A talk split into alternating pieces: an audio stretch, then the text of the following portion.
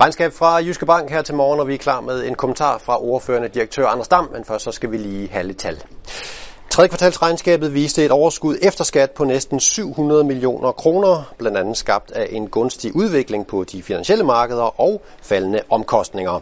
Samlet set kommer Jyske Bank ud over årets første ni måneder med et overskud på 778 millioner kroner, og det skal blandt andet ses i lyset af, at banken i starten af året valgte at hensætte 1 milliard kroner til potentielle tab som følge af covid-19-pandemien.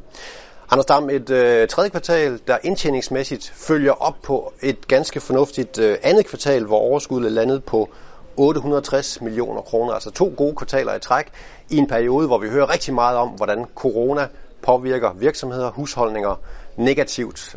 Hvordan hænger det egentlig sammen? Jamen det hænger sammen på den måde, at den del af økonomien, vi er målrettet imod, har fået det ganske godt efter et svært øh, første kvartal. Og det er det, der afspejler sig i vores tal. Og ellers, når du kigger ned over forretningen, hvordan øh, er du så tilfreds med, hvordan den udvikler sig? Jamen, jeg er faktisk godt tilfreds. Jeg er altid tilfreds, hvis Jyske Bankkoncernen tjener mere end 800 millioner kroner før skat i et kvartal. Og det har vi gjort de sidste to kvartaler, hvor vi til sammen har tjent 2 milliarder.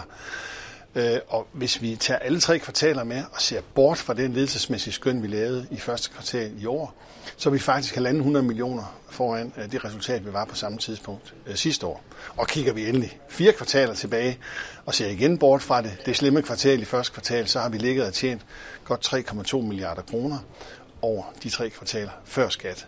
Så der er en tilfredsstillende udvikling, og det hænger sammen med den kundebonitet, vi har, og de forretninger, de ligger hos os. Og den her tilfredsstillende øh, udvikling, så kan man jo spørge sig selv, den milliard, I så valgte at hensætte i starten af året til potentielle tab til covid-19, altså virksomheder, der blev ramt af det her, er den stadig øh, aktuel, kan man sige? Hvis det går bedre, end, øh, end du havde frygtet måske, øh, skal den milliard så på en eller anden måde ikke måske føres tilbage, hvis, hvis virksomheden har vist sig at være ikke så, så grum med virksomhederne, som, øh, som, for, som frygtet? Ja, man må sige, at de pakker, øh, som regeringen øh, sammen med de øvrige Folketingets partier lukkede ud, de har jo haft en positiv effekt, i hvert fald i anden og, og tredje kvartal. Og det er vi selvfølgelig kun glade for, men vi synes jo også, at tårerne sænker sig lidt over økonomien igen. Så vi er rigtig glade for, at vi tog den beslutning. Nu må vi se, hvordan økonomien udvikler sig her i fjerde kvartal. Indtil videre ser det fornuftigt ud, og vi håber selvfølgelig også på, at vi kan levere et fornuftigt resultat i fjerde kvartal. En anden øh, grund til indtjeningsresultatet, øh, øh Anders Dam skriver jo også, at det er et intensiveret omkostningsfokus, øh, og vi ser også et omkostningsniveau, der, der generelt øh, falder. Øh, hvordan vil det her intensiverede omkostningsfokus komme til udtryk fremadrettet? Ja, det skulle gerne komme til udtryk ved, at vores omkostninger viser et fortsat fald i den resterende del af i år og også til næste år. Og det hænger blandt andet sammen med, at vi bliver lidt færre medarbejdere, men også at vi lukker et afdelingsnet, og at vi øh, bruger den teknologi, øh, som vi har absorberet her, øh, mere effektivt, end vi har gjort før. Et er øh, omkostninger og fokus på det. Der er også meget fokus på øh, negative renter, et negativt rentemiljø, der betyder, at, at private jo som bekendt skal betale øh, negative renter for, for noget af deres indlån. Øh, den grænse, friholdelsesgrænse, hedder i øjeblikket 250.000 kroner i Jyske Bank. Øh, andre steder, nogle af dine konkurrenter, har sænket det her loft, så det nu hedder omkring 100.000. Hvorfor følger I ikke med ned der?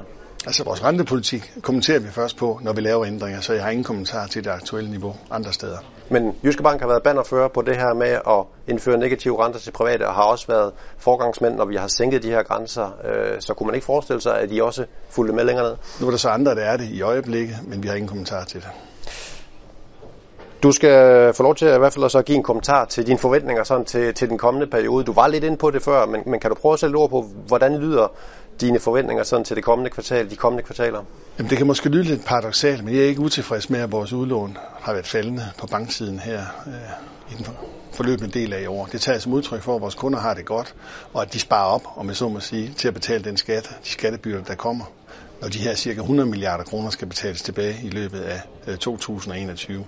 Og her skal vores kunder betale cirka 10 milliarder kroner tilbage.